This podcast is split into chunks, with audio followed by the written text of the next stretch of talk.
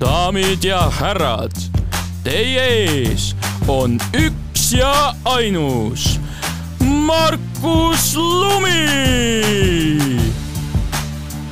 minu nimi on Markus Lumi, kuid teie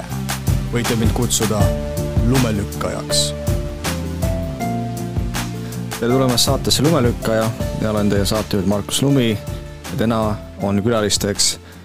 raamatu Kõik hingab koos kaasautorid Hardo Pajola ja Kaie Metsla. tere tulemast saatesse! tere! tere, aitäh kutsumast! ja ma loen äh, sellise lühikese siis kirjelduse ka äh, raamatust või mida see ra raamat endast kujutab. et Kõik hingab koos on kummardus looduse taashingestajatele, inimestele, kes mõtlevad ja kõnelevad ökoloogiliselt ning näitavad teed, kuidas pääseda välja masinlikust maailmatajust, mis on meie arvates hoogu koguva globaalse kriisi juurpõhjus. ja kui ma seda lugesin, siis võib-olla ütleks, et see põhi äh, probleem, mis tuvastati selles raamatus. sinu poolt? minu poolt jah äh,. aga ma arvan ka, et teie poolt või mis mina arvan, et teie tuvastasite yeah., on see, et on, on nimelt äh, eraldatus mm.. ja seda igas mõttes, seda nii äh, müütilises mõttes, nii religioosses mõttes äh,, nii poliitilises mõttes, et, et võib-olla te saaksite natukene seda lahti seletada, et, et mis viisidel me oleme siis eraldatud ümbritsevast äh, keskkonnast? no ma olen saanud nii palju padrata, et äh, hakkame Kaiest pihta, et mis, kuidas sinu tunne on? no mitmes intervjuu meil oli Charles Eisensteiniga. teine kohe. teine intervjuu oli Charles Eisensteiniga ja nii kui see eraldatuse müüt jutuks tuleb, mulle kohe tuleb see Eisensteini nimi meelde mm. -hmm, mulle ka. ja üks äh, tema mõte, mida ta on, äh, mida, mida Hardo, sinagi oled väga palju äh, tsiteerinud, on see, et et ta elas mitmed aastad Taiwanil ja kui ta Taiwanilt tagasi tuli, et siis ta märkas seda, et mis on, mis on juhtunud, et varem, kui tema väike oli, et siis jooksid lapsed õues ringi ja neid oli keeruline sealt õuest tuppa saada, aga et kui ta tagasi tuli, et siis äh, olid lapsed noh, piltlikult öeldes kõik nutiseadmete taha tuppa kadunud. ja noh, hullem versioon sellest on veel see, et kui, kui vanematel on see kontrollifunktsioon veel sisse lülitatud seal, et, et jälgida kogu aeg, kus see laps käib. Ja noh, oma kogemusest ma võin öelda seda, et et see eraldatuse müüt jõudis väga hästi kohale minu jaoks sel hetkel, kui meil oli koroona. Ja koolid pandi kinni ja lapsed pandi kõik koduõppele, et see oli nagu reaalne kogemus sellest, et mis tegelikult lastega juhtub, kui sa lõ-, lõikad ära neilt kõik sotsialiseerumise võimalused ja noh, omalt poolt ma igati üritasin soodustada seda, et siis vähemalt õues oli võimalik nendel lastel sõpradega koos käia, sest et see sotsiaalne suhtlemine omavahel on lihtsalt nagu niivõrd oluline. Jah, ma liituks ka sinna Eisensteiniga, et äh, see oli, see oli, see oli ühes tema intervjuus, kus küsiti ta käest, et kuidas need ideed, millal sa, mida sa, millest sa räägid, üldse, üldse kuidas nad jõudsid ja oli, kas Eestis oli see esimene mulje, et mis ta rääkis, kui sa Taiwanist tagasi tulid, kus on lapsed kõik? ja, ja, ja, ja nii, et ega see, see ei olnud päris nii, et, et äh, sellistes diktaatorlike kalduvustega valitsused surusid seda kontrolli meile peale, selle, sellel on kindlasti oma funktsioon, aga see kontroll kasvab siis, kasvab välja, see kontrollimaania kasvab välja meie enda seest. see on üks asi. Ja, ja eks me võime selle juurde, teema juurde tagasi tulla, aga aga kui Kaiele tuli esimesena meelde Charles Eisenstein, noh mulle ka, aga et siis ma ütleksin, et võib-olla teisena tuli meelde kohe Gabor Mate, Kanada päritoluga mm -hmm vaimse tervise spetsialist, kes ütles, et või no ma ei tea, Kanada arst, kes ütles, et igasuguse tervenemise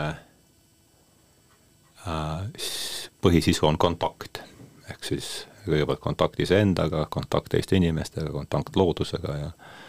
ja kontakt selle, selle kelle või millegagi, mis siis jääb loodusest veel väljapoole, kui inimesed usuvad, et selline asi on olemas. aga see kontrollimaania siis ütleme, ähm, et kuidas see on nagu seotud just eraldatus, eraldatusega, ongi see, vähemalt minu arusaamise kohaselt, et ähm, kui meie nii-öelda vaatleme iseennast äh, eraldatuna siis oma keskkonnast, eraldatuna võib-olla teistest inimestest, siis ähm, tekib see tunne, et, et äh,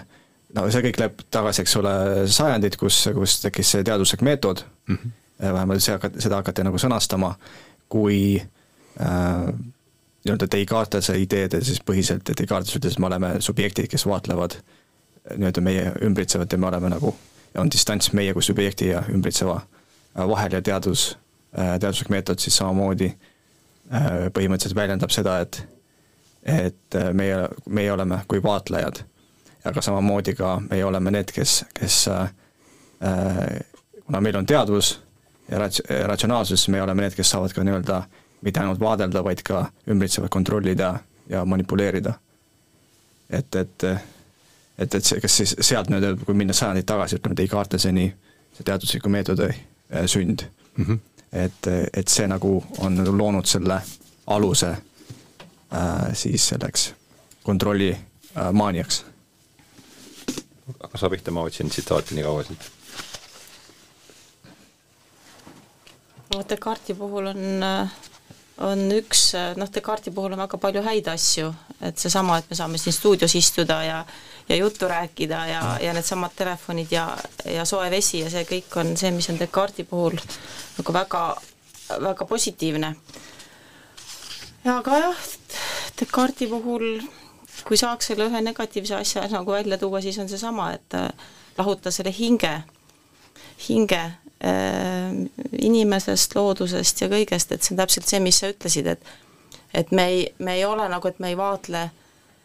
me ei vaatle äh, nagu üht, osana ennast siin kogu selles ümbruses, vaid et me vaatleme kõike väljapoolt ja, ja püüri, püüame siis aru saada, et mis siis toimub selle objektiga. aga et kui sa ei suhestu, siis, äh, siis tekib lihtsalt teistsugune arusaam asjast, teistsugune pilt. jah, ma seda ei jõua äh, või, või leidnud seda kohta täpselt üles, mis ma mõtlesin, et et ma küsisin ka, et äh, Eisensteini käest siis, et, et kas me räägime Descartesist, tegelikult asi ulatub, läheb palju kaugemale Descartesist äh,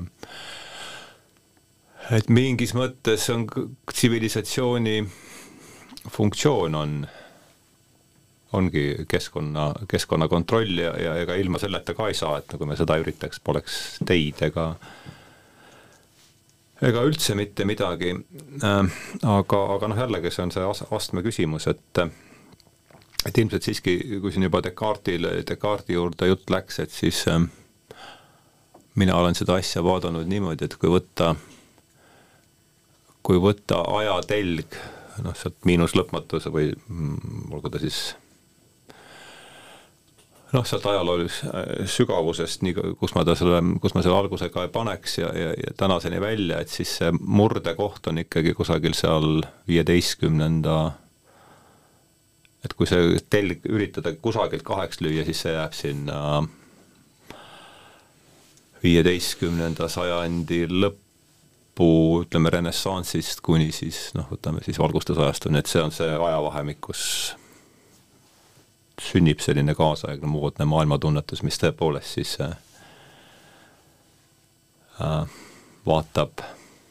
eraldatud, eraldatud teadvust, mis siis jälgib seda isegi kehatut teadvust, kui me vaatame Descartesi, mis jälgib siis ümbritsevat maailma, mida võiks kujutada sellise äh, elutu kellavärgina, millele omakorda siis vastandub, kui võtame siis, mis mis see enne oli, et siis äh,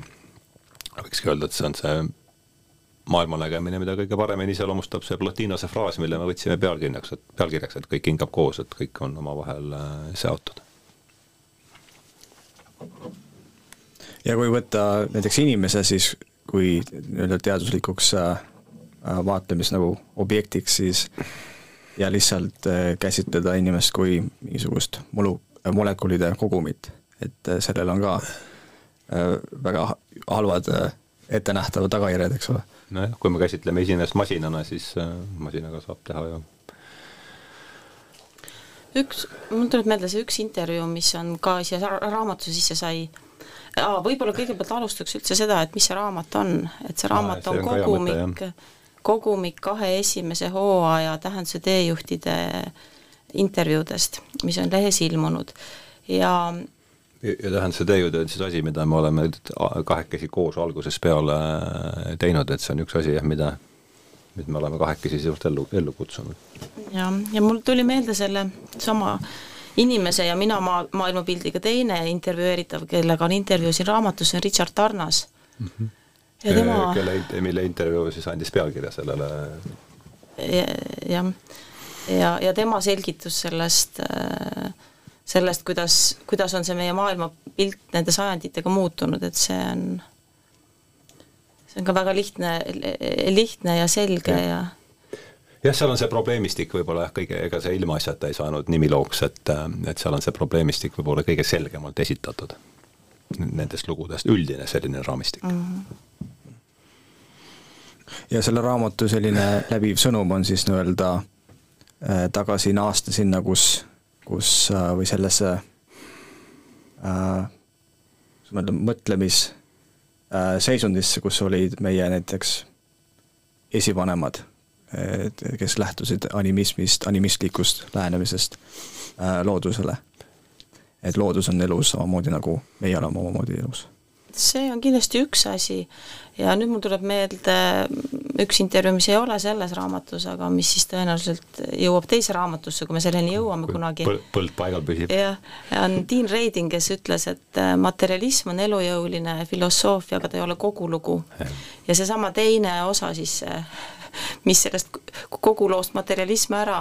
lahutada, maha lahutada, et siis see teine osa on see siis, mille poole see inimene tegelikult püüdleb.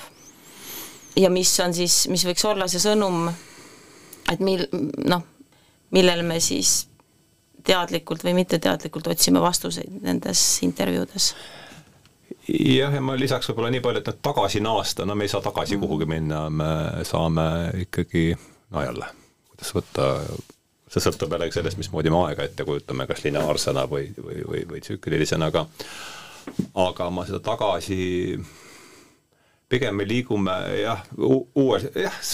võib ka nii öelda, et me liigume ikkagi uuel spiraali tasandil mingisse jah, niisuguse animistliku elutunnetuse poole, ma arvan tõesti, et see on see, see on see laiem osa sellest suurest, suurest suundumusest ja, ja, ja kui seda jällegi kokku võtta, see intervjuu ei ole ka selles raamatus, see on kahekümne kolmandas lehes oli vist äh, pealkirjaks sai minu meelest Moodne Eleusis vist mm -hmm. oli see Regina Hessiga, et et äh, iidse tarkuse ja moodsa, moodsa teaduse sümbioos ja siin mul tuleb meelde seesama Kristjan Järvi kontsert, mida me käisime koos Ale-, Alexelas vaatamas, et kui ma seda nägin, et niisugune äh, küll vähendatud koosseisus klassikaline sümf-, sümfooniaorkester ja šamaanitrumm üheaegselt laval, et siis see kuidagi lõi minu jaoks sellise noh, kunstilise, kunstilise pildi või visiooni või, või nagu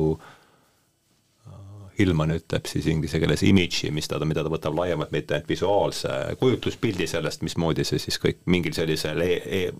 eelverbaalsel tasandil võttis kokku selle pildi, sellest, kuhu me minu arvates liigume või, või võiksime liikuda. Ma ühe täienduse teen selle Kristjan Järvi kontserdi juurde veel, et et väga oluline osa oli see, mis Ardo ütles juba, see šamaanitrummi osa, aga teine osa oli see, et see, et see klassikaline orkester ei istunud paigal, vaid mm -hmm. oli püsti ja liikus, mis tähendab seda, et kõik oli liikumises. Yeah et jah, see, kui me sealt koos ära tulime, siis me mõtlesime, ahah, et see on ilmselt see, kuhu me tõenäoliselt äh, liigume või võiksime liikuda, kui meil on siin plaan pool ellu jääda. Äh, üks huvitav asi, mis äh, lugesin seda David Abrami intervjuud ja tema äh, tõi veel ühe, et põhjuse, kuidas me oleme kuidas see eraldatus on tekkinud mm -hmm. ja nimelt ta, ta siis tõi välja tähestiku kasutusele võtmise. Et, et see tänapäevane kirjakeel on, on ja. see, mis hetkel, eks ole, domineerib, et varasemalt praegused põlisrahvad ja, ja, ja varasemalt inimesed kasutasid rohkem ütleme, kuidas öelda, suuliselt kõnelesid. ja, ja, ja olid rohkem nii-öelda, kuidas öelda siis äh,, öelda, pidasid oma, omaette keeleks ka nii-öelda kui meelte ja tajude mm -hmm. siis äh, nii-öelda kasutamine. Kui, kui näiteks, kui, kui, äh, äh käidi looduses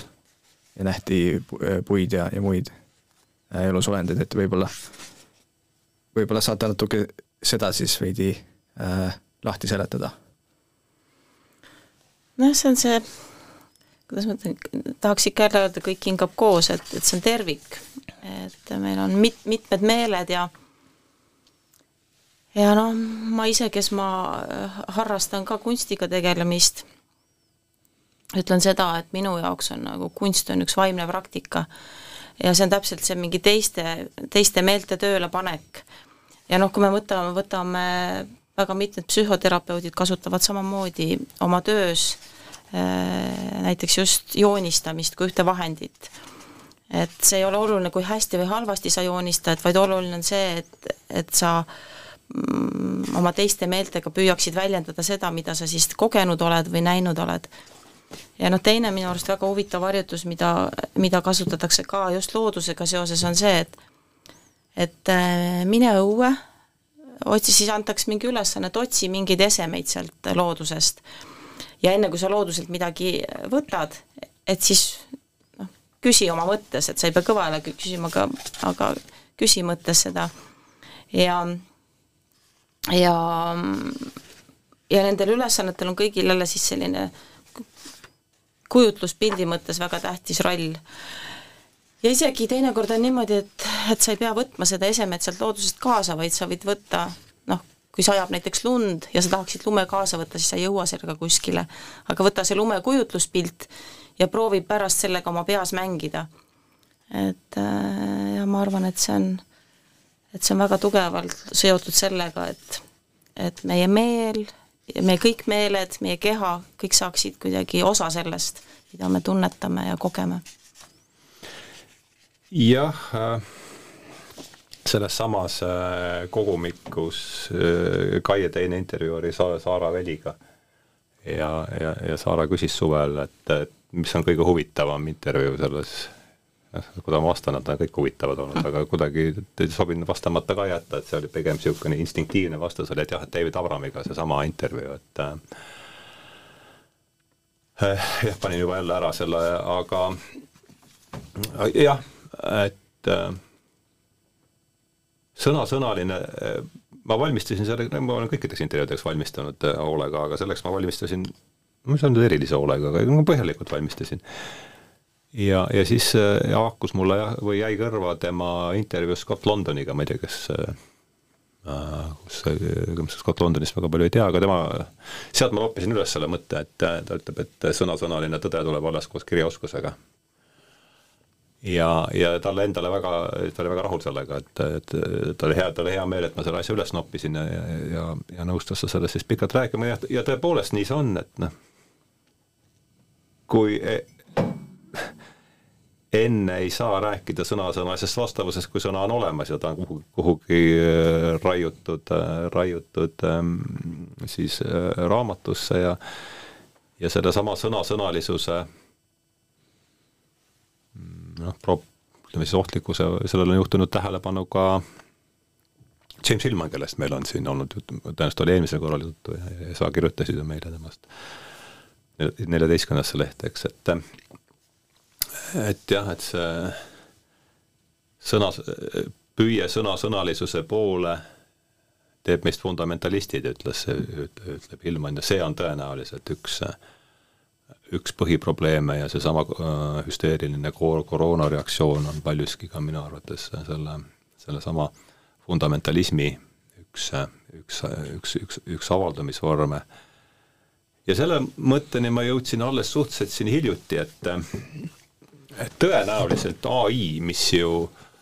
või siis see kunst, kunstmõistus või, või tehisintellekt, et et ta tõenäoliselt kiirendab sellele praegusele epistemoloogiale rajaneva ühiskonna kollapsit just seetõttu, et ta viib selle äärmuseni, sest ai suudab ju käsitleda ainult sõnu ja, ja ainult numbreid ja, ja, ja jätab sellega kõik välja, mis noh, millele Abra-, David Abraham ja, ja paljud teised, keda siin on intervjueeritud, tähelepanu juhivad, just seesama eelverbaalne sõnadesse mitte veel kallerdunud või, või tardunud, tardunud taju uh,.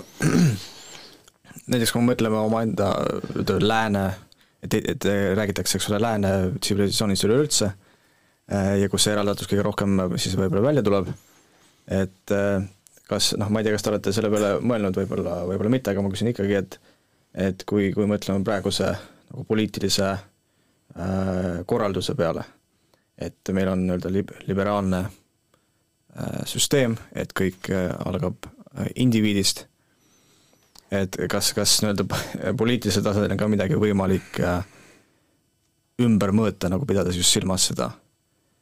sedasama nii-öelda ideed, et me oleme üksteisega äh, seotud ja, ja peaksime olema üksteisega rohkem seotud, kui, kui üksteisest nii-öelda eemal. Tahtsin öelda, et ma annaks nüüd sulle hea meelega esimese sõna, aga aga siis mul tuli üks hea mõte ja ma mõtlesin, et äkki äkki et, sa räägid ise sellest ja siis ma räägin ise ära. et noh, liberalism ütleb samamoodi nagu, nagu äh, Descartes on öelnud või sarnaselt Descartes, et me oleme äh, subjekt, kes nii-öelda valib oma enda elu, hea elu kontseptsioonid ja teeb, me oleme ratsionaalsed nii-öelda äh, agendid, kes teevad oma valikuid see ei ole võib-olla päris otsene poliitiline tasand, aga minule ta tõi igal juhul näite kohe endale meie niisugusest poliitilisest igapäevaelust. Me käisime teisel detsembril, meil oli suurepärane võimalus käia Bergenis. Ja kuulamas äh, Holbergi debatti, äh, kus siis väitlesid Rupert Sheldrake, kellega on ka selles raamatus intervjuu, Äh, Anil Sett, kes on neuroteadlane, ta on Sussexi ülikoolist ja kolmas oli Tanja Urman, Urman, kes oli Stanfordist, Stanfordist, jah. Ja ja noh, see teema oli see, et kas äh, teadvus ulatub ajust kaugemale. Ja kõik inimesed või kõik need debatis osalejad olidki väga erineva nägemusega, aga mis võlus meid mõlemaid tegelikult kogu selle debati jooksul oli see, et nii eriarvamustega inimesed suutsid nii rahumeelselt ja viisakalt selle debati läbi käia ja, ja kõigil, absoluutselt kõigil osalejatel, debatis osalejatel, moderaatoril, korraldajatel, noh, oli pärast nagu no, niivõrd hea enesetunne. ja see on minu arust see, mis, mis näitab seda, et et äh, noh, ühiskonda on võimalik koos hoida. Et kui me läheme siin kõik polariseerume ja kakleme, siis see lükkab meid kõik eraldatusesse, sest igaüks jääb oma ego ja oma mõtetega noh, nagu oma raamidesse. aga kui me proovime kogu aeg otsida ühisosa, et siis see on see viis, kuidas on nagu võimalik, ma, ma vähemalt ise usun seda väga ka poliitilisel tasandil edasi liikuda jah, noh, eks aitas kaasa muidugi see ka, et äh, küsimus oli piisavalt abstraktne, oleks nad pidanud seal riigieelarve ja, ja automaksu üle äh, vaidlema, siis oleks olnud kogu see, äh, kogu see õhustik seal hoopis teistsugune, aga aga jah, liberalism jah. Mm, või kahjuks on läinud meelest ära selle autori nimi, aga ma arvan, et see on väga oluline raamat äh, liberalismi fundament, liberal, äh, selle raamatu nimi on kas on järsku Permanent Revolution vist, Liberal Roots of uh, Liberalism ehk see, et siis eesti keelde võib-olla see alapealkiri võiks olla, või üldse pealkiri, et permanentne revolutsioon, mis on Trotski väljendiks äh, ja, ja liberalismi fundamentalistlikud äh, juured, et äh, et selline ja see tõukab nüüd kui me räägime jah, ma tulen tagasi selle ajajoone jaotamise juurde, et see suur transformatsioon, leidis siis aset, algas ta neljateistkümnenda sajandi lõpus vabandust, viieteistkümnenda sajandi lõpus renessansiga, mis oli selline kunstiline nähtus, sellele järgnes reformatsioon, mis on religioosne nähtus, siis sellele otsa omakorda teadusrevolutsioon, mis on teaduslik filosoofiline nähtus ja siis valgustusliikumine, mis on, on loomult äh, poliitiline. Ja, ja, ja, ja liberalism kasvas suuresti välja ikkagi reformatsioonist, see Äh, Luteri idee, et üksik indiviid saab, eksisteerib väljaspool kirikut ja, ja aga sellel noh, sellel hoovusel, mis on andnud meile ühelt poolt demokraatia ja, ja, ja, ja turumajanduse ja indiviidi vabadused, seal all on noh, nagu igal asjal on vari ja tumedam pool ja ma arvan, et noh, see viimastel aastatel äh, on selle all ikkagi sellised väga murettekitavalt selle sõna, selle sõna, sõna liberalism all väga tugev aasta-aastalt ja, ja ütleme siis, et, et see libe- äh,, fundamentalistlik alustoon on saanud järjest või alushoovus on saanud järjest nähtavamaks ja ja, ja sellest on ka palju räägitud, kui kaks tuhat kuusteist ma Edmund Burke'i seltsi asutasin, et siis see huvitaski mind kõige enam, kust tuleb see tume, äh, see liberalismi sallimatu äh, alushoovus. ja, ja, ja ma arvan, et seal on palju tegemist reformatsiooniga ja kogu selle suure pöördega, millest ma just rääkisin um,. kui sa mõtled nende inimeste peale, kes seal äh, väitlesid äh,, et mis sinu arvates see ühisosa seal oli lõppude lõpuks?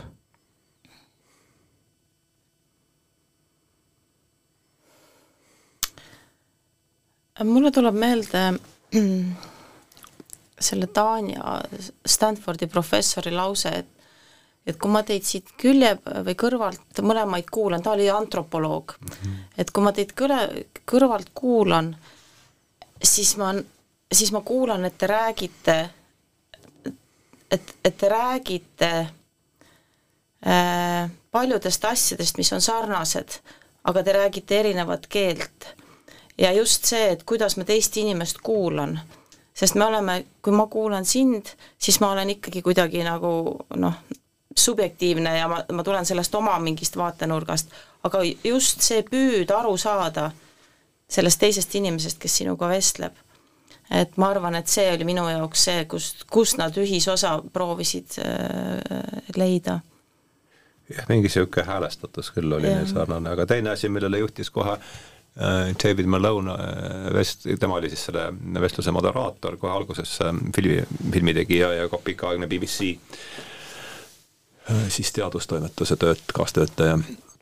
Äh, tema ütles siis, juhtis tähelepanu sellele, et tavaliselt on sedasorti debatid üles ehitatud niimoodi, et meil on mm. usukaitse ühel pool, teisel pool on siis äh, Ketser ja nende vahel on siis mingi sotsiaaldemokraat, kes äh, mm. üritab siin niimoodi laveerida ja põhi, kelle põhifunktsioon on see, et, et need üksteise kõrgele üksteisele kallale ei läheks ja aga et selle debati siis organiseerijad on sellest formaadist lahti öelnud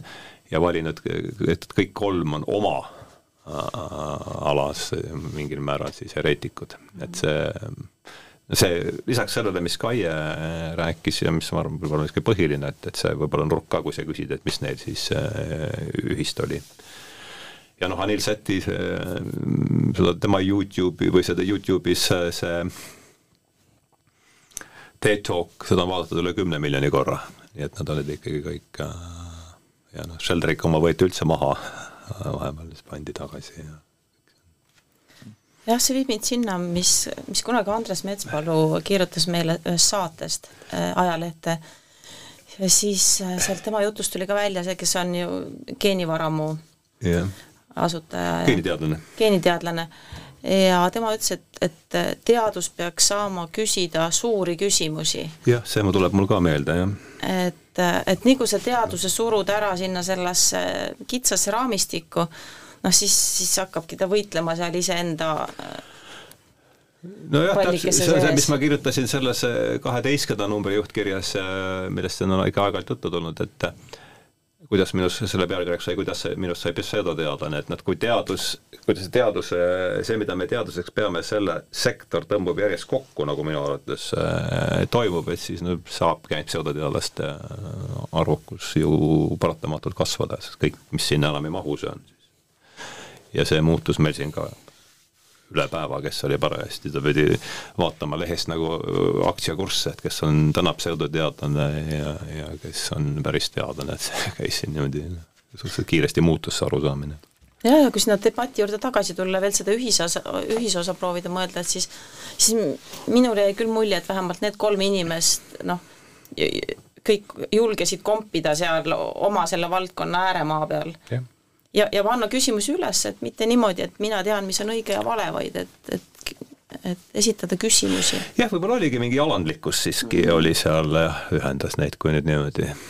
seal, sellest hakkavad asjad pihta minu arvates, et aga võib-olla selle ühisosa äh, või kuidas öelda, äh,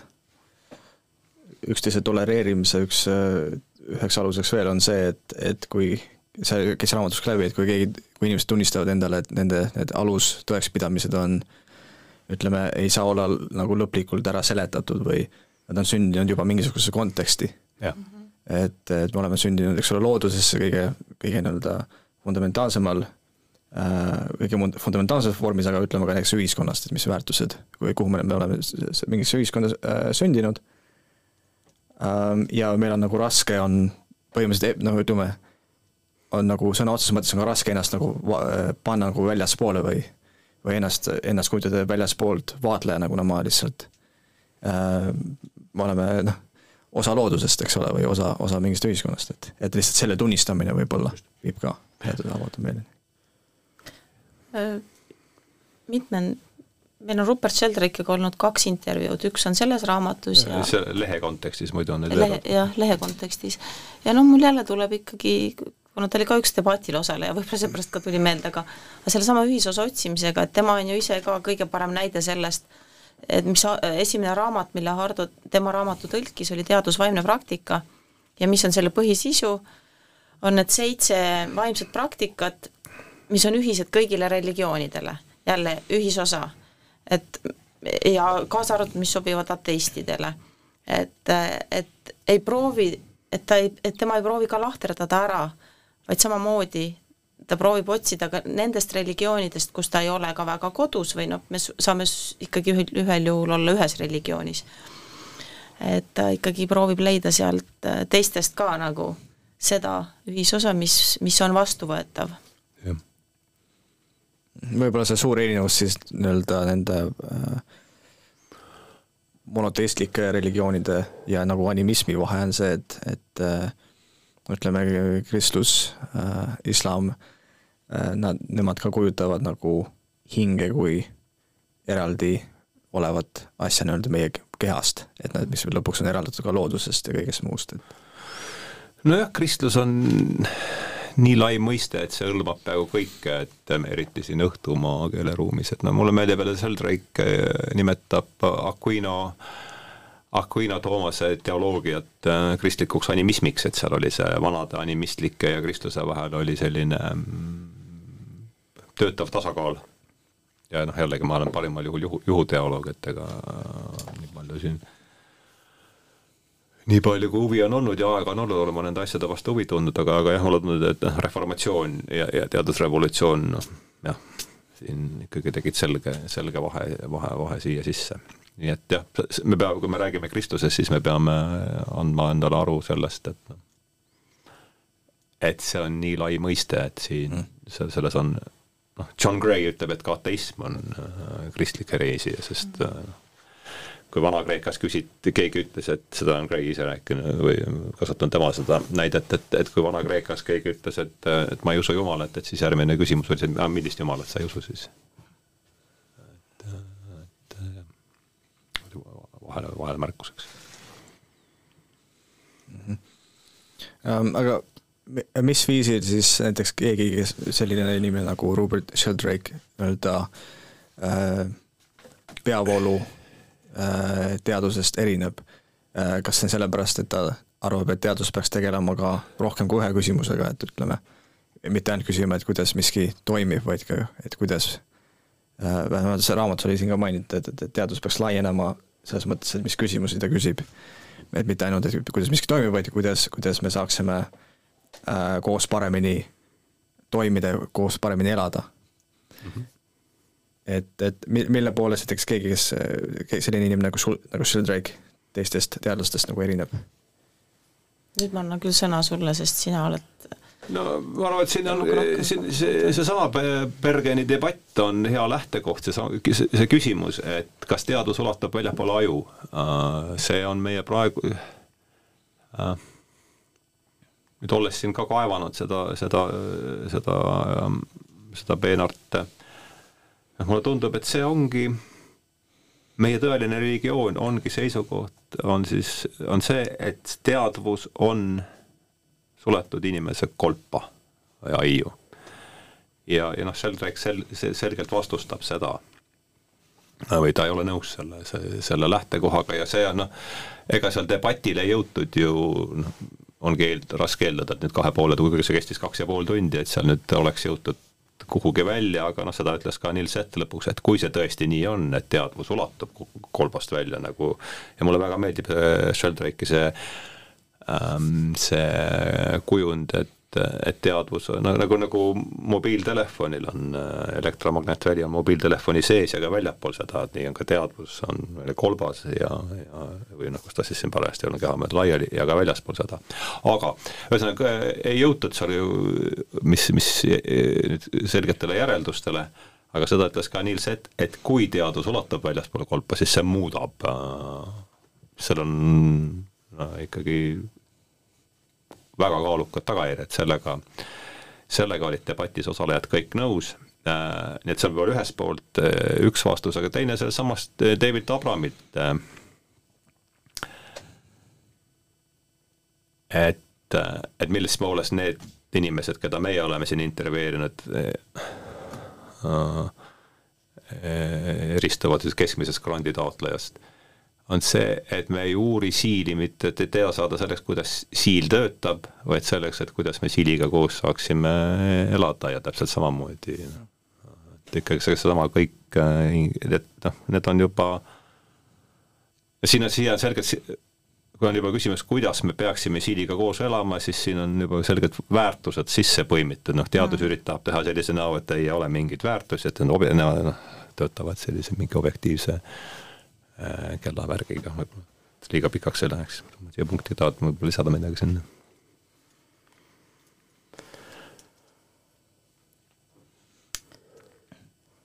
no mis neid ikkagi, kõiki neid inimesi ühendab, vähemalt minu jaoks, ma olen nende esimeste intervjuudega selles suhtes vähem kokku puutunud, et et äh, me esimesed kaks hooaega intervjueerisime, tegime kumbki oma intervjuusid eraldi, Äh, ja siis lihtsalt noh, kuna meil on kombeks kaks korda läbi lugeda kõva häälega need tekstid, enne kui lehte lähevad, siis loomulikult äh, äh, saad nende ideedega tuttavaks, aga alates kolmandast hooajast Regina Hess oli see, kes, kes viis meid kokku intervjueerimise mõttes, et tema, tema ütles, et me inter-, hakkasime teda intervjueerima ja tema soov oli see, et, et olge koos seal. ja pärast seda me oleme koos intervjuusid teinud. see on hästi töötanud ja, ja, ja see annab täpselt sellesama tunde, et et sa juba lähed sellesse samasse vestlusesse ja, ja kõigisse ideedesse sisse. ja mis, küsimus oli see, et mis neid eristab äh,, minu jaoks on see, et äh, need kõik inimesed on ikkagi võimelised vaatama maailma laiema mhm. pilguga mm. -hmm et see holistlik maailmavaade, et ma ei võta ainult seda ühte, ühte rada, mida mina väga hästi sügavuti tean, vaid et ma suudan ka panna sellesse laiemasse konteksti. ja, ja noh, see on noh, nii vähe, kui palju äh, me oleme kokku puutunud noh, ma ei tea, ülikoolide või siis noh, teaduse poolega kindlasti mina ei saa siin midagi, mingeid hinnanguid anda, aga aga see lähtekoht on ikkagi see, et, et äh, üliõpilasi ja kõike pannakse nagu täie mahviga õppima mm -hmm. sedasama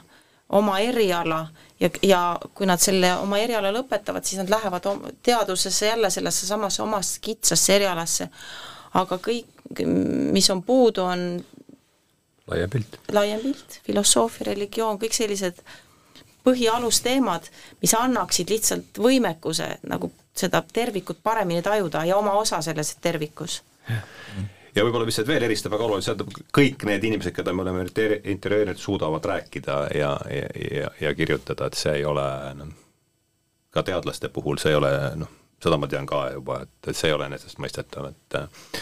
John Cleese'il, äh, Monty Pythoni ühel liikmel on siis äh, suurepärane sketš minu arvates Kogu tõde ajust, kus ta tuleb niisugune Liis ise valges eh, kitlis, eh, kestab vist ainult neli minutit, see klipp ja eh, mingi aju makett on seal ka ja midagi räägib midagi, et noh, tükk aega läheb üldse aru, et aru saada, mis keeles see jutt on, no siis on mingid ingliskeelsed sõnad tulevad sinna vahele, et järelikult on inglise keeles ja siis puterdab seal minut aega, siis ütleb vahepeal E equals to R. I repeat, E equals to R ja paneb, jätkab samas vaimus edasi. ja siis ütleb lõpus, et niisiis ärge sööge neid ja noh, see võtab päris hästi kokku minu arvates äh, selle, mida me nägime ka siin koroona ajal, kuskilt tuleb mingi Excel, kust ta tuleb, ei tea, aga aga noh, nüüd istute ma ei tea, elu lõpuni kuskil. noh, selle muster oli ju enam-vähem selline nii et jah, ütleme, et oskavad ja ja, ja mis sul ka siis üle jääb, kui ei ole äh, noh, siis tulebki, kui ei ole peavoolus, siis tuleb veenda inimesi, sest teisi võimalusi lihtsalt pole. ja noh, muidugi need on kõik olnud väga huvitavad inimesed ka. nojah, sellepärast ongi, et suudavad rääkida ja kirjutada. jah, sest noh, lihtsalt kui ma mõtlen selle äh, raamatu viimase intervjuu peale, mis, äh, mis on see Saara Väliga, kes on noor noor Eesti kunstnik õpib Firenze Kunstide Akadeemias,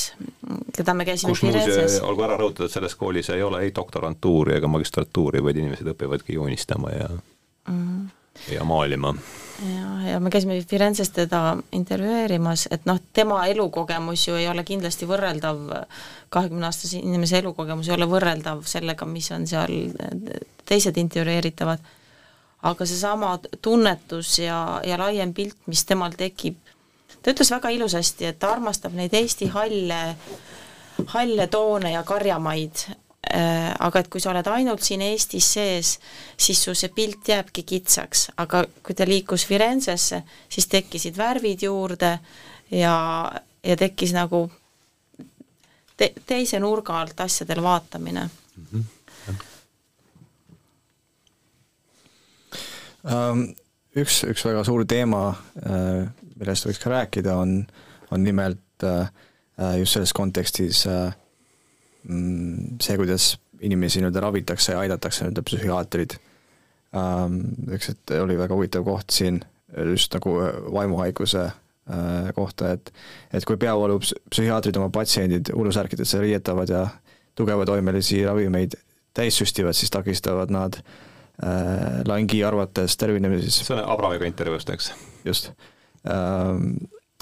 Laingi arvates ter-, tervenemisprotsessi sandistavad nad. Laing usus, uskus, et vaimuhaigus on terve reaktsioon hullumeelsele ümbrusele, nii et maailm on omadega täiesti äh, tuksis. et, ähm, et kuidas me võiksime äh,, siin oli intervjuu, eks ole äh,, Märt Vähiga, kes on seotud mm -hmm. Lootuse külaga, eks. ja, ja see oli ju väga meeldiv, seal me olime kahekesi küll mm, -hmm. juba selles inter-, aa ei, intervjuu ma tegin üksi, aga me koos koha peal käisime kahekesi. jaa, see oli väga et võib-olla oleks just, just tema tegemistest hea rääkida praegu, et kuidas seda asja nagu lahti seletada, seda teistsugust lähenemist.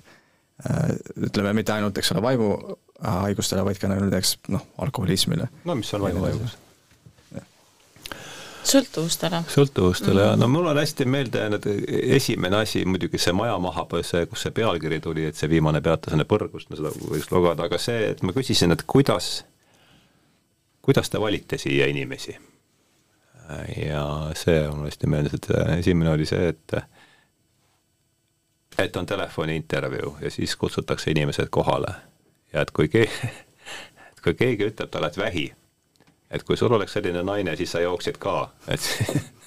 siis see kaust pannakse kohe kõrvale, et noh, see inimene ei ole jõudnud sinna, ta saab aru, et probleem on kõigepealt temas endas, et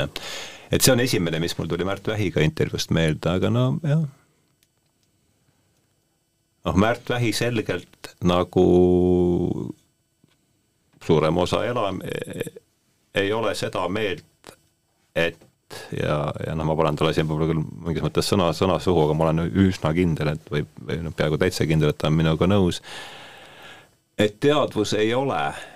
niisugune äh, kõrvalprodukt, nagu on siis keevas teekannus tõusev aur, mis ta siis materialistlikus äh,, materialistlikus äh, paradigmas on, vaid see on ikkagi omaette, omaette substants äh, ja, ja, ja kui see on nii, siis noh, see, sellel oletusel on äh, muuhulgas ka vaimuhaiguste ravile selged äh, kaalukad, kaalukad tagajärjed. tahad sa midagi lisada praegu, enne kui ma mõtlen kuidas edasi minna? no üks asi, mis sellest Märt Vähi juures käigust välja tuli ja mis on minu arust jälle väga positiivne, mis tuleb sellesse praegusesse ühiskonnaellu, et, et see võimalus äh, sinna minna ja äh, ühesõnaga äh, et on, meie kohtusüsteemis antakse võimalus, et sa võid valida, kui sa oled olnud pahandustesse sattunud, et, et sa võid minna vanglasse või sa võid minna lootuse külla. et selline võimalus üldse antakse. et inimesed saavad selle võimaluse valida ja no et äh, jälle see on mina, kuidas ma seda ütlen, et mõnes mõttes on ju Lootuse küla vangla noh, selles kontekstis, et ta on ikkagi suletud küla, ja seal selles külas pigem klooster. või jah, klooster on parem sõna tõesti. Et äh, ja need inimesed seal kõik oma eluks vajalikku äh, noh, kõik protsessid ja kõik toimetavad seal ise. nii et, ähm, et väljastpoolt nad suurt midagi ei vaja ja noh, seal on väga karm režiim ja see, kuidas nad seal looduse keskel elavad, et see on noh, jälle sealt peab ise kohal ära käima, et saada see tunne, et, et on midagi veel, mis nendele inimestele mõjub. Ja, ja kui nendest vaimuhaigustest rääkida, siis mul tuleb meelde see James Hillman jälle, kes ütles, et meie vaimuhaiglad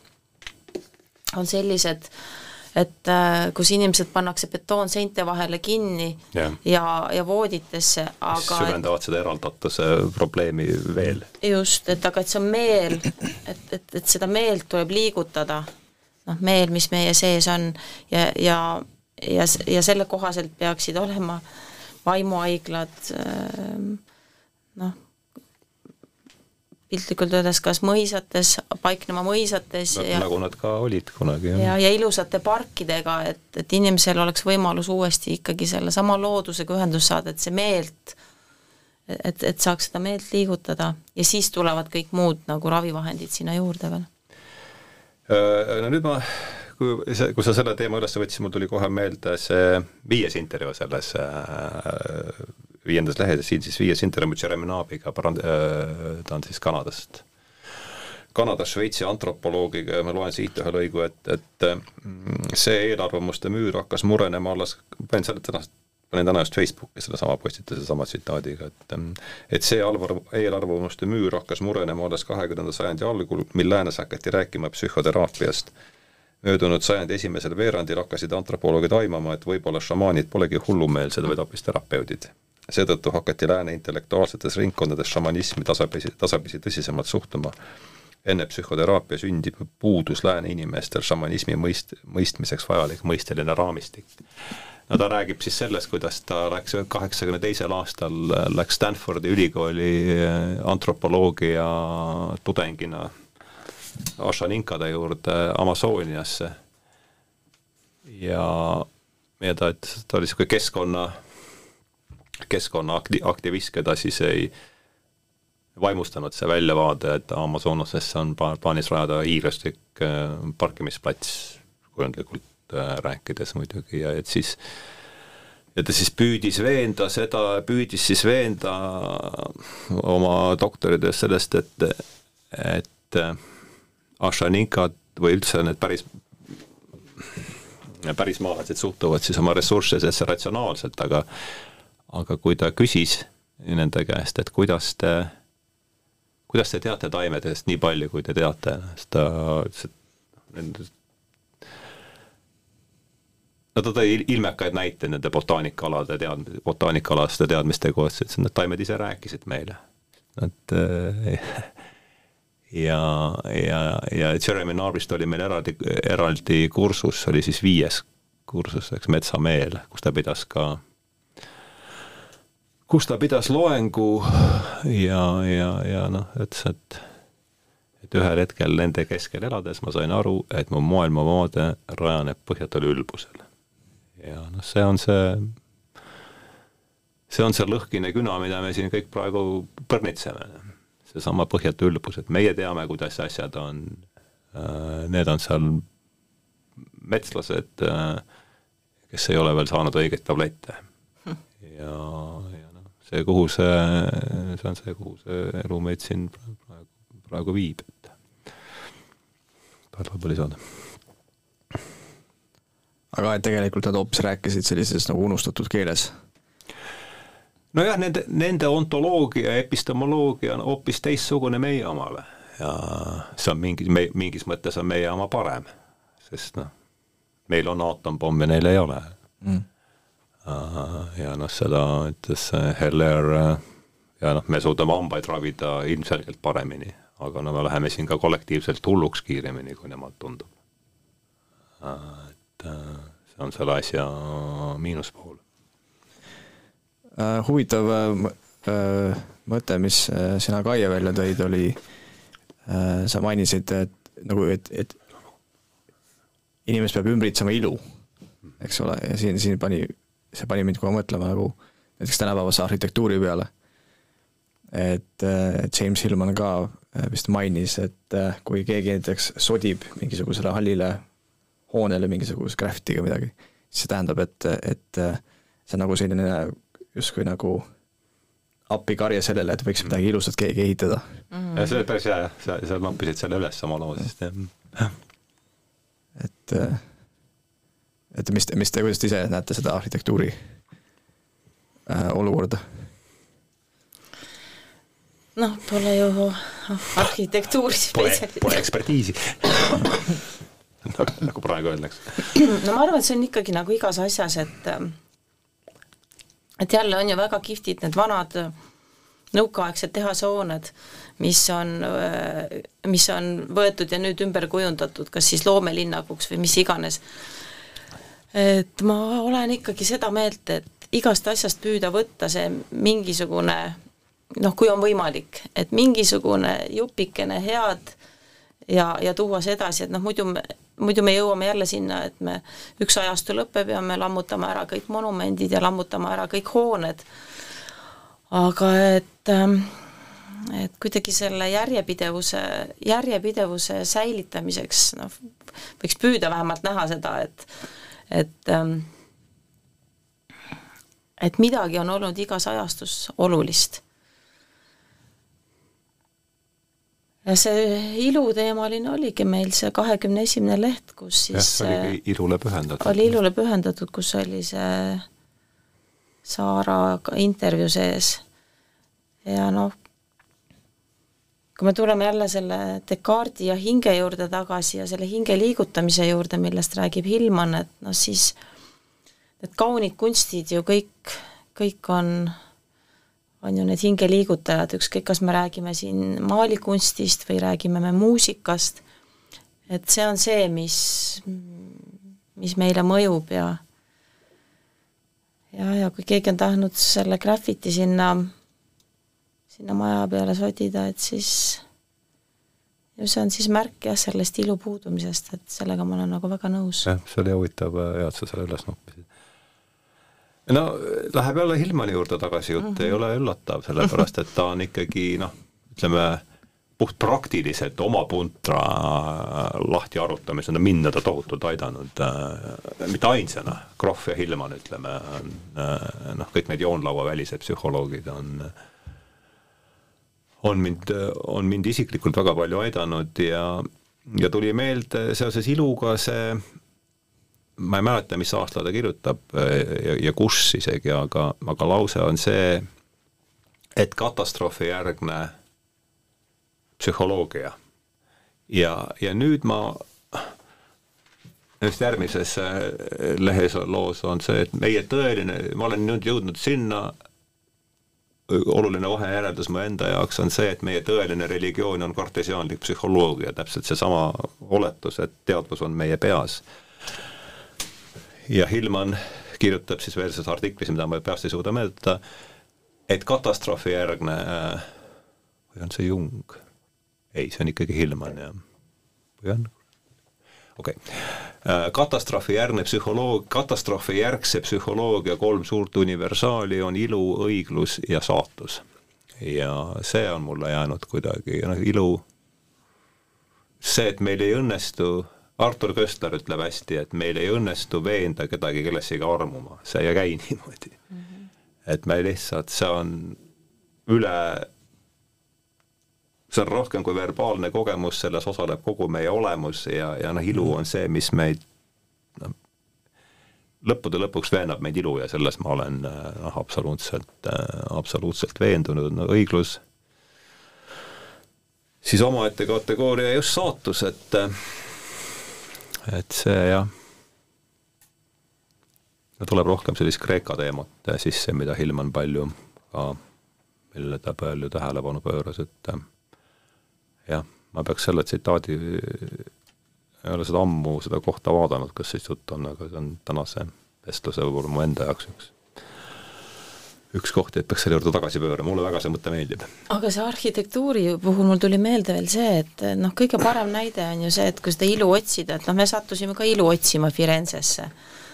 et noh, see arhitektuur ikkagi, ükskõik, kas me lähme Rooma või me läheme Firenzesse, et see arhitektuur on on kaunis. on kaunis, et noh, nagu see Saara Väli ütleb seal, et, et seal ei peagi minema, sa ei pea minema Uffitsisse, mis on maailma üks kuulsamaid äh, muuseume, vaid et sa lähed tänav, igal tänavanurgal on sul mõni, mõni kujuke või, või midagi arhitektuurist sellist, mis äh, mis su pilku köidab? ja ei pea ilmtingimata minema, võib ju metsa minna ja seda metsa, näiteks ilu on ikkagi vaataja silmades, see jällegi eeldab enda mingit teistsugust häälestatust, sellest käib, käib jutt, no me sõitsime siia, me ei sõitnud läbi Firenze, aga mm, -hmm. aga noh, need, see, need praegused talvemaastikud, need on loodusarhitektuur. jah, noh, need on, ja see ravib, see reaalselt ravib Äh, see tõmbab sellest oma sellest depressioonipudrust välja, kui hakkab, inimene hakkab nägema seda ilu, mis ta ümber on. selles ma olen väga, ma olen sellega väga päri. Äh, Hilman rääkis ka palju kujutlusvõimest, eks, kujutlusvõime äh, tähtsusest ja ja ümbritseva äh, elavdav, elavdamisest. jah, hingestamisest mm. -hmm. jah. et, et see on ka võib-olla selline veidi unustatud viis, kuidas, kuidas äh, muuta maailma, nagu et Richard Rorty ütles, et maailma ei muuda need, kes argumenteerivad hästi, vaid need, kes kõnelevad. Teistmoodi. teistmoodi. ja Hilman ütleb seda, et hing tahab, et meid puudutatakse ja mitte miski ei puuduta meid nagu ilu, et see on, see on teistmoodi lähenemine. aga noh, muidugi murelikuks teeb see, et see on katastroofijärgne äh, psühholoogia, et ega noh jah, no ja sinna, sinna suunas me praegu galopeerime paraku. aga kas on mingisugust äh, nagu pöördepunkti ka juba näha selles osas, et, et see liiguks just sellesama äh, kuidas öelda, ümbritsevaga nii-öelda siis äh, äh, see, et inimene on rohkem nagu Äh, seotud ümbritsevaga, ümbritseva keskkonnaga ja nii edasi, et kas, kas see, kas see nii-öelda see eraldatuse äh, kadumine, kas see, kas see, selle, selles osas on mingeid muutusi näha? No väga praktilised näited, minu arust see jälle, kui me koroonast räägime, siis mis, mis oli positiivne, et et see ikkagi suunas inimesed tugevalt loodusesse tagasi. et noh, meid ennastki alguses, kui oli ikkagi totaalne šokk, et noh, keegi ei teadnud, mis saab, et me lihtsalt tegime katkematuid pikki jalutuskäike looduses ja noh, me ei ole kindlasti ainsad ja noh, kui vaadata praegu Facebookigi või ükskõik mis sotsiaalmeediakanalit, et kui palju inimesed postitavad pilte loodusest, et on avastatud rabasid, parke, metsi, et mis iganes, et noh, ma väga usun sellesse, et see on kindlasti üks märk. Siis teine märk, mis mina olen tähele pannud, on seesama, kui me räägime siin nendest iidsest tarkusest ja põlisrahvastest, noh, see mõte nüüd kuna meil hakkab nüüd see jõulul, jõululeht välja tulema, siis äh, me käisime Muhus äh, ja tegime intervjuu Martin Kivisooga, kes on Tihuse hobusetallide äh, asutaja ja turismitalu asutaja seal, kes kes sõidutasid meid ringi Muhu väepaikades ja saime osa riitustest ja ja see leht, selle lehe kokkupanemine praegu või selle tegemine on mind kuidagi viinud sinna, mis Ardo siit põgusalt juba jutust ka läbi käis, et see Kristjan Järvi šamaani trummiga seal ja ma panen üha rohkem tähele seda, et äh, šamaanitrumm, kes meisterdab ise šamaanitrummi, kes äh, käib kontserdil, kes on mingil kogunemisel kokku puutunud ja, ja teine on regilaul mm. -hmm. et see regilaulu osatähtsus olime möödunud suvel esimest korda käisime metsalaulupeol. ahah, jah, see oli. mida siis äh, Indrek Vainu ja Anna Vainu äh, ka rabas, Soomaa rabas. kes käisid meil ka saates. jah, äh, veavad seda metsalaulupidu ja seal, kuidas inimesed regilaulu laulsid, et see oli täiesti uhke kogemus. et see regilaul tuleb kuidagi nagu päriselt ja, ja sügavalt Äh, selle eeslaulja seest ja see tõmbab kaasa kõik teised inimesed ja ja selliseid üritusi tekib. Ja no mis, millest me räägime, Savusanna Sõsarad, kes võitis nüüd auhinna ja Anna Hints ju oma tänukõne asemel ju laulis uhke regilaulu seal kogu selle suure rahvusvahelise, rahvusvahelisel areenil, nii et et mina ütleks, et need on nagu minu jaoks vähemalt selged märgid et niisugused äh, ühised asjad tulevad tagasi ja no kas või see, et et sellised, sellised äh, autorid ja sellised inimesed, nagu me oleme saanud intervjueerida, et jah, see on see raamat ise. jah, et neid,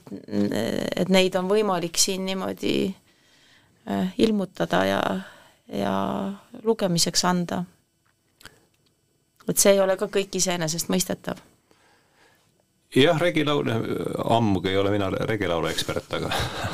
aga mulle tundub, aga noh, puhtalt oma kogemuse baasilt, eh, oma kogemuse ekspert ma olen ikkagi, sest see on minu oma.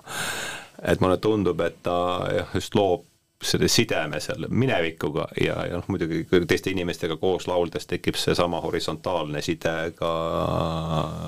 teiste vahel ja noh, ühesõnaga see vertikaalne ajatelg ja horisontaalne ühendustellg, et see see on väga oluline, mis märke, no mis märke mul endal vaja on, et ma pean kui ma hakkan endast pihta, et no ma, ma olen muutnud oma maailmapilti sisuliselt sada kaheksakümmend kraadi ja just sellel põhjusel, et kui ma seda ei oleks teinud, noh, ma oleks parimal juhul surnud. halvimal juhul töllerdaksin edasi enda et ja, ja, ja noh, ma arvan, ja see on nüüd metodoloogiliselt väga kahtlane samm, ma saan sellest aru, aga noh, mu enda olu, elu on ainult üks, üks, üks vaatlus ja, ja ma arvan, et kogu meie sellel tsivilisatsioonil on mingis mõttes samasugune samm, äh, samm ees, see paradigma nihe tuleb meil kõik, kõigil äh, üheskoos läbida. Ja veel kord, ma saan aru selle, äh, selle väite kaheldavast metodoloogilisest pinnasest, aga noh, minu jaoks on see samas ka ilmselge, nii et et see ei ole kindlasti teaduslik teooria, aga, aga ma olen selles seda enam veendunud. no sa oled ise mitmeid kordi seda Exoduse äh, näidet toonud. nojah, Exodus on hea paralleel ja Exodus on see, et äh, noh, et kui me tahame minna punktist A punkti B ja kui punkt B on parem, siis me ei jõua sinna kohe, et selleks tuli Exoduses, kus konkreetses näites tuli nelikümmend aastat kõrbest tuusaldada, enne kui ja noh, ega siis see B osutus jälle punktiks A ja, ja, ja sealt tuli jälle edasi minna, aga noh, see, see kõrbefaas on seal alati vahel, paraku. Ma lihtsalt tahaksin öelda seda lihtsalt selle raamatu kohta, et, et miks see raamat on mõnus, on see, et et seda võib lugeda eraldi, iga intervjuu on nagu eraldi peatükk, aga teistpidi võib, kui seda järjest lugeda, siis tundub, et ongi nagu üks jutt, mis järjest täiendab, iga intervjuu täiendab nagu eelmist, et ja ei pea üldse lugeda, kena vaadata, jah.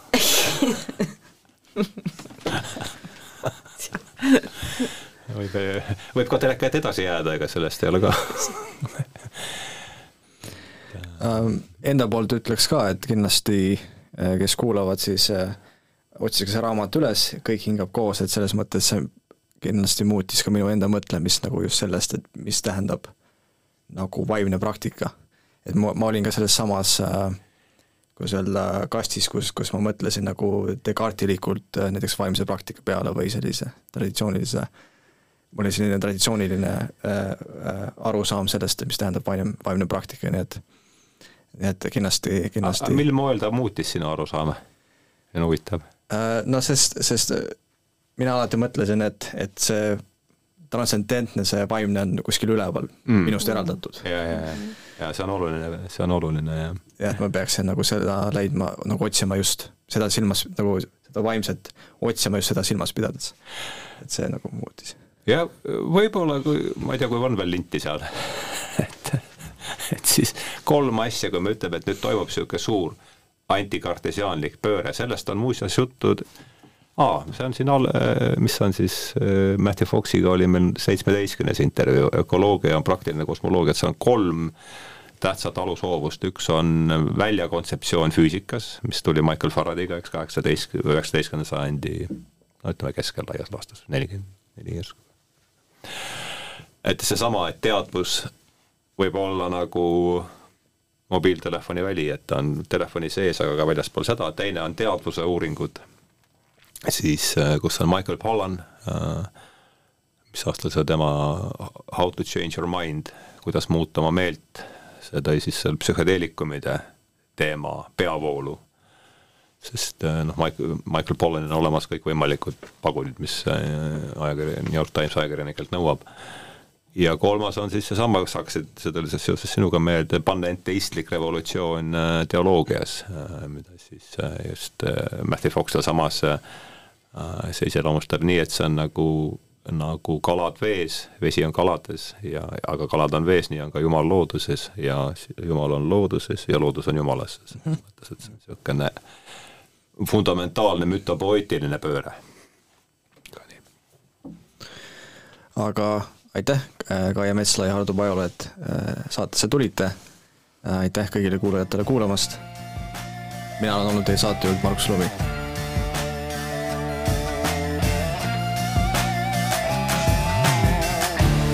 minu nimi on Markus Lumi, kuid teie võite mind kutsuda lumelükkajaks